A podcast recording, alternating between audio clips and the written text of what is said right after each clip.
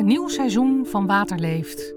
Met mooie verhalen over het water en de natuur in Rijnland en daarbuiten.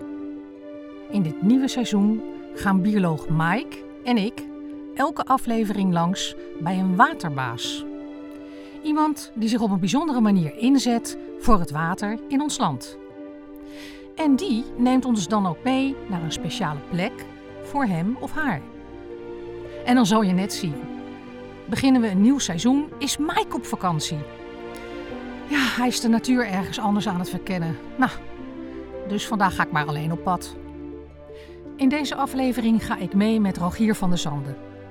Dijkgraaf van het Hoogheemraadschap van Rijnland en ook nog eens voorzitter van de Unie van Waterschappen. Hij neemt me mee naar het centrum van Leiden. Even aanbellen. Om precies te zijn, naar zijn oude studentenhuis. Hi. Ehm, ik ben hier voor een podcast. Ik ben oud bewoner en ik heb een podcast over water. Mag ik even de tuin in de tuinkamer met mondkapje op wat op te nemen? Uh, tuurlijk, ik zal je, kom er binnen, ik zal je benen even bijhalen. Die uh, tuinkamer. De deur zelf. Ja, ja, dat is wel, dankjewel. Hier staan de namen van alle oud huisgenoten. Daar staat mijn naam notabene. Heel erg hoog. eh. Ja, ja, ja. heeft dat met je lengte te maken, Rogier? Omdat je erebewoner bent? Nee, gewoon bewoner. En dan zie je hier ergens traditioneel de eh, eh, winkelwagentjes. Is dat nog niet veranderd? Nee, niks veranderd. Oké, we lopen hier nu in een eh, binnentuin. Er staan wat her en der van die boodschappenwagentjes met... Wel, hey, dat is wel op de toekomst een, een rubber kano. Voor als het water hoog staat, dat vind ik wel een vooruitziende blik. Vorige week eh, was het hier nog ijskoud en eh, nu zie ik hier een paar staan die eh, staan al in korte broek met badslippers. Nou, geweldig. Hi.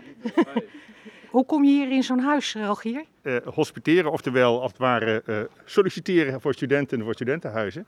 Dan kom je op zicht en dan word je gekeurd door de huidige bewoners. En die kiezen dan eentje uit die ze het leukste lijkt. Maar het is dus niet een huis in bezit van eh, een studentenvereniging of zo. Nee, dit huis is in bezit van de eh, stu- eh, studentenhuisvesting eh, algemeen. Nog steeds een gemengd huis neem ik aan. Mannen, vrouwen, verschillende verenigingen. Alle drie de grote verenigingen. Ja, leuk. Nou, in die zin weinig veranderd. Alleen zijn ze wat jonger geworden en ik wat ouder. Maar voor de rest, ja, eigenlijk niks veranderd. De zooi in de tuin, eh, de bomen, de struiken, het is echt allemaal hetzelfde. Ja, dit, is- dit, is, dit is de tuinkamer van het studentenhuis. Met prachtige beschilderde muren. Dirk Dalis III, 17e eeuw, heeft geschilderd met prachtige arcadische landschappen. Dus eh, eh, eh, fantasie, kastelen, watertjes, koetjes, zwanen natuurlijk. Hey, en Rogier, ik zie hier een riant bokspring staan voor de open haard. in het midden, centraal. Dat was niet jouw kamer. Nee, nee, Waar zat jij dan? Ik, eh, ik heb verschillende op zolder gezeten, in het tuinhuis en aan voren, de voorkant, wat nou de eh, gemeenschappelijke ruimte is. Maar eh, het meeste heb ik in de tuinhuis gezeten, zo gezegd. Oh, wauw, zeg. Wat een geweldige start als je hier in Leiden kon studeren. Hoe ben je hier zo beland? Nou, in dit huis ben ik later beland, maar in Leiden ben ik beland om de eenvoudige reden, ik kende Leiden niet, maar ik wilde graag politicologie gaan studeren. Dat werd onder andere in Leiden gegeven, dus ik ben naar Leiden gegaan voor de studie. En het is me zo goed bevallen, de studie, maar zeker ook de stad, dat ik eigenlijk eh, al eh 33,5 jaar hier eh, in Leiden woon. Ja, want waar kwam je vandaan? Ik kom, kom uit een klein Brabants dorpje, Bergijk genaamd. Sommigen wel bekend van Radio Bergijk. Dan zeg ik altijd, het is allemaal waar. En ja, daar heb je geen universiteit in de buurt. Dus ik moest ook echt op kamers gaan om hier te kunnen studeren. En heb verschillende huizen hier in, eh, in Leiden gewoond. In dit huis heb ik het allerlangste gewoond. Op eh, drie verschillende kamers eh, in dit huis. En hier heb ik ook mijn, eind, mijn, mijn, mijn, mijn einde van mijn studententijd gevierd. Door mijn studie eh, gehaald en hier mijn bul gevierd. in deze kamer notabene, deze hele grote mooie tuinkamer met die schilderingen. Dus ja, daar heb ik wel goede herinneringen aan. Wat maakt Leiden nu Leiden? Eh, behalve inwoners, studenten, is water hetgene wat Leiden maakt. Jaap Visser, ook wel bekend als Jaap Fischer, heeft een mooi een keer een lied geschreven over... Het zijn niet de pleinen, het zijn niet de straten, maar het is het water. En dat is kenmerkend voor Leiden. Als hier geen Rijn had gestroomd, was hier geen burg gebouwd, waren hier het Gravensteen niet gebouwd, was de universiteit niet gekomen, et cetera. Dat hangt allemaal samen, die plek aan het water, die strategische plek aan het water. Nou, Rogier, ik blijf het toch interessant vinden hoe jij van politicologie uh, uiteindelijk uh, beland bent uh, in het waterschap. en dijkgraaf en zelfs voorzitter van de Unie van Waterschappen bent geworden. hoe is dat zo gekomen? Goeie vraag, maar die ga ik niet hier beantwoorden, maar bij het water. Ik volg je. Oké, okay, kom mee. We zeggen de studenten gedag en we verruilen de kamer met de metershoge schilderijen voor de weg richting de binnenstad. De Leidse grachten. En we stoppen bij een brug. Ja, stadhuis aan de ene kant, het water aan de andere kant. Voor ons zien we een soort water-T-splitsing. Dat is het water voor de Waag, waar vroeger alle boten bijeenkwamen als ze het centrum van Leiden ingingen. Er vaart een bootje in de gracht en ik zie mos op de linkerkant van de kade. Ja, en dat groeit alleen op de schaduwkant, vertelt Rogier. Verder wijst hij naar het monumentale stadhuis. En het stadhuis van Leiden is ooit mijn uh, bestuurlijke carrière begonnen. In 1995 werd ik daar uh, raadslid. In 2000 werd ik wethouder met onder andere waterbeheer in mijn portefeuille. En ik heb dan ook als wethouder samen met het Hoogheemraadschap gewerkt aan een baggerplan voor, uh, voor de gemeente Leiden.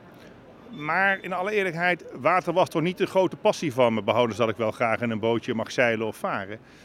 Toen nog niet. En ik ben vervolgens naar de provincie gegaan. Heb er helemaal niks met water te maken gehad. In mijn portefeuille in ieder geval niet. Uh, en toch uiteindelijk in het waterschap terechtgekomen. Uh, wat heeft jou doen besluiten om een overstap te maken naar de waterwereld, in bijzonder het waterschap?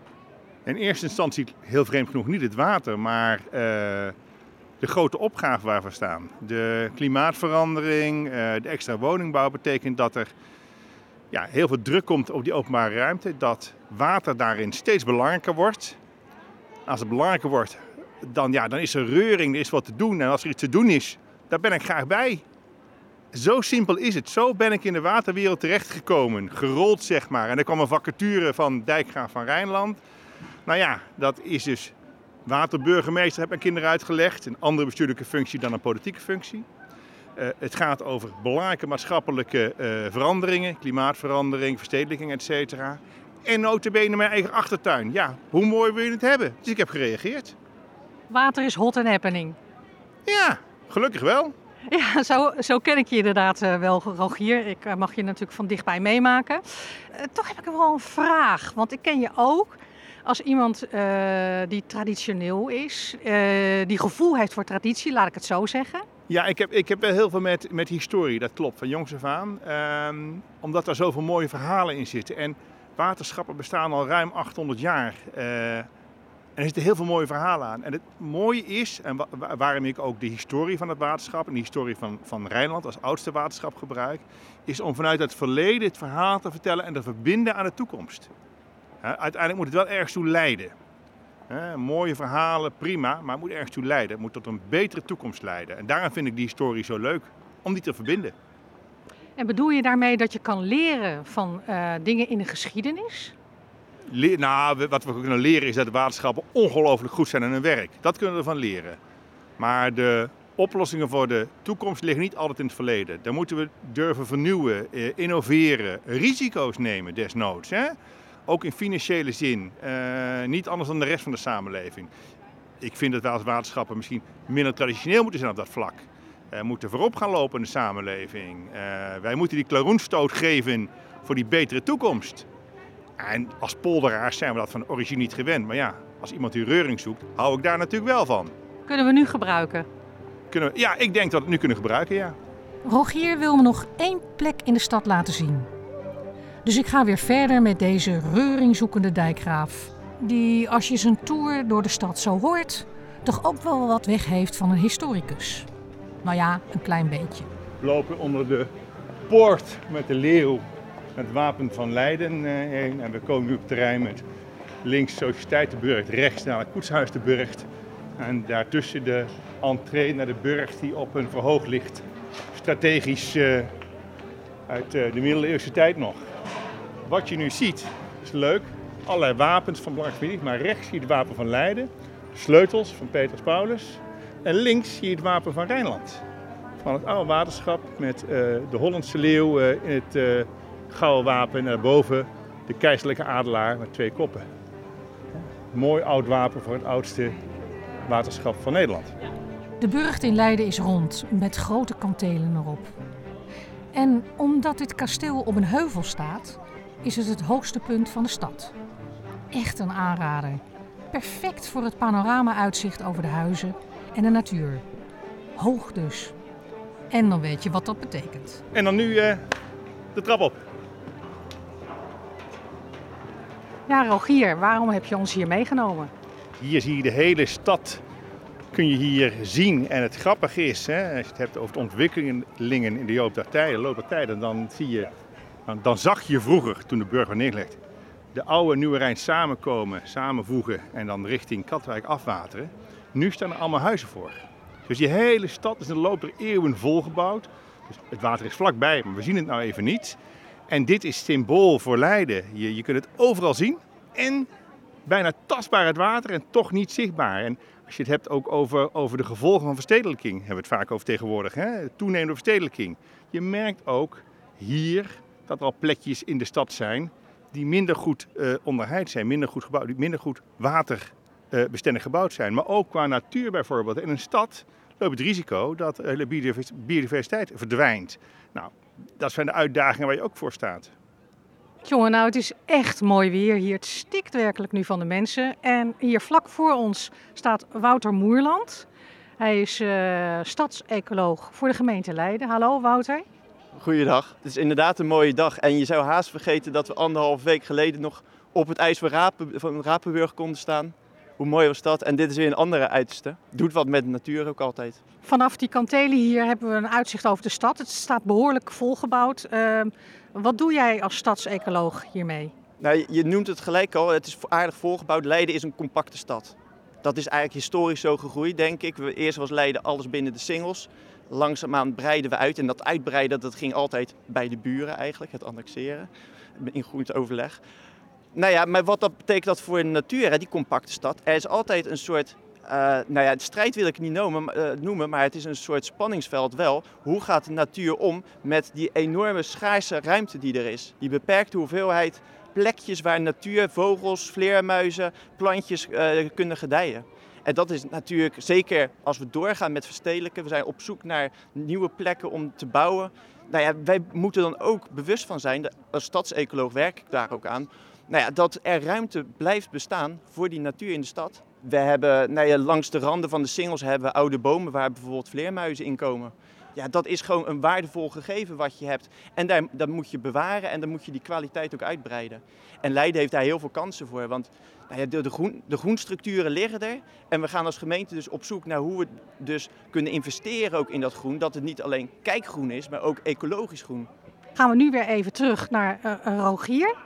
Wat is nou voor jou, ook voor de toekomst eigenlijk in waterbeheer, de grootste uitdaging? De grootste uitdaging is hoe houden we dit stuk van Nederland, eigenlijk heel Nederland, leefbaar. Leefbaar in al zijn facetten. Dan kunnen we wonen, werken, recreëren. Dat is echt de uitdaging. En het gaat dus niet alleen om over water. Hè? Het gaat erom het leven doen vaak op het land. Maar daar, daarvoor heb je die verbinding met het water nodig.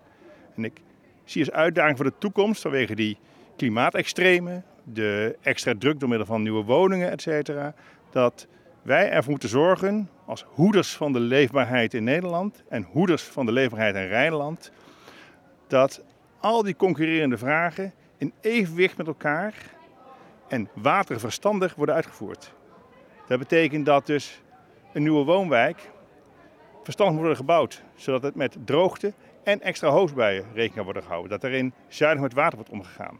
Dat er voldoende natuur is om die biodiversiteit, biodiversiteit te waarborgen. Daar zit onze grote taak. Houd Nederland leefbaar. Kun je wat voorbeelden noemen van dat uh, slimmere bouwen, dat toekomstbestendige, toekomstrobuuste bouwen, zoals dat genoemd wordt? Nou, twee voorbeelden. Een nieuwbouwvoorbeeld, hier vlakbij het vliegveld Valkenburg, uh, oud vliegveld, moet verbouwd worden. Dat doe je op het niveau, daar maak je geen polder van, maar doe je op voldoende hoog niveau. Dat je niet water hoeft weg te pompen. Je zorgt dat er voldoende water in de wijk loopt. Je zorgt dat je gebruik maakt van aquathermie, warmte uit water om huis te verwarmen. Je zorgt dat je de afvoer afkoppelt, hè, het regenwater afkoppelt van de riolering. Je zorgt dat je liefst nog water hergebruikt binnen huis. Op zo'n manier kun je een nieuwbouwwijk heel erg duurzaam en verstandig inrichten. Maar ook in bestaande gebieden. Of het nou hier in Leiden is, of in Haarlem is, of Haarlemmermeer, of Gouda. Of, overal worden met enige regelmaat rioleringen vervangen. En er komt een enorme hoos aan. Dan moet je zorgen dat je dan inderdaad het hemelwater afkoppelt. Maar dat je meteen gebruikt om werk met werk te maken. En andere dingen die goed zijn voor de waterhuishouding en voor de natuur. En daarmee voor de leefbaarheid ook oppakt. Nou, hartstikke leuk Rogier. Het klinkt echt allemaal ver van mijn bed, dat wel. Uh, we hebben pas, uh, ik woon in Leiden, een foldertje gekregen, samen aan de slag. Ja, wat kan ik daar nou mee? Dat is een goede vraag en die vraag, ik krijg wel meer te horen. En vaak met de tegenwerping, maar als ik iets doe, dan helpt dat niet. En het is niet zo. Bedenk dat ongeveer twee derde van Nederland is particuliere grond. Uh, jouw tuin, mijn tuin. En als we allemaal in die grond een paar tegels eruit halen.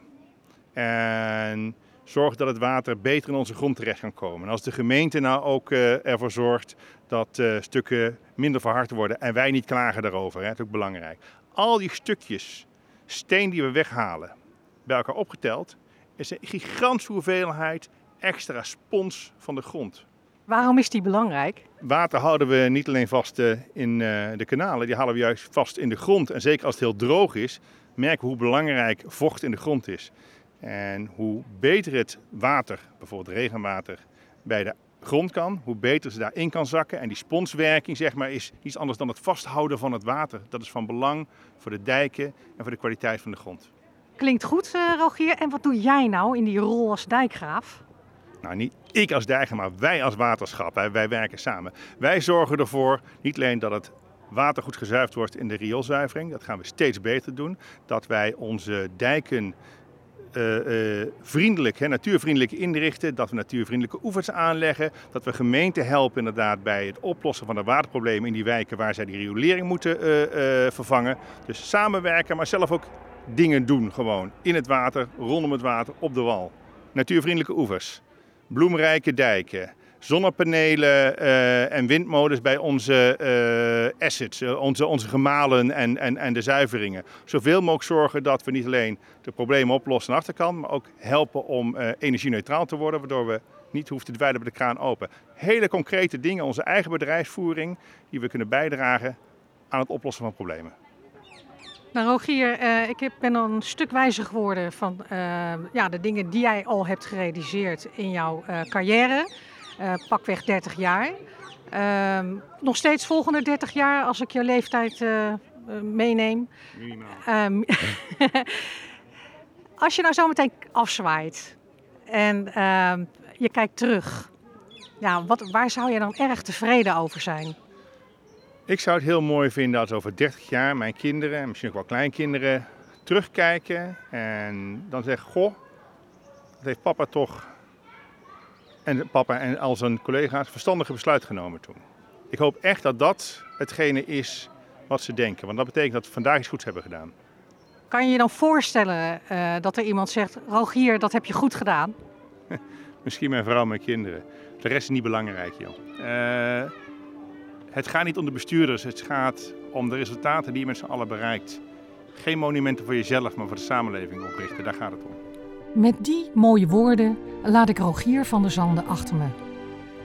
Hij kijkt nog uit over de stad en ik stap op mijn fiets naar huis. Volgende aflevering stel ik je weer voor aan een inspirerende waterbaas. Iemand die mooie plannen heeft voor de natuur en het water en die me weer naar een speciale plek meeneemt. Wil je meer weten over wat we doen? Kijk dan op Rijnland.net. En als je je abonneert op deze gratis serie, krijg je een melding wanneer de volgende aflevering online staat. Dus doen hè!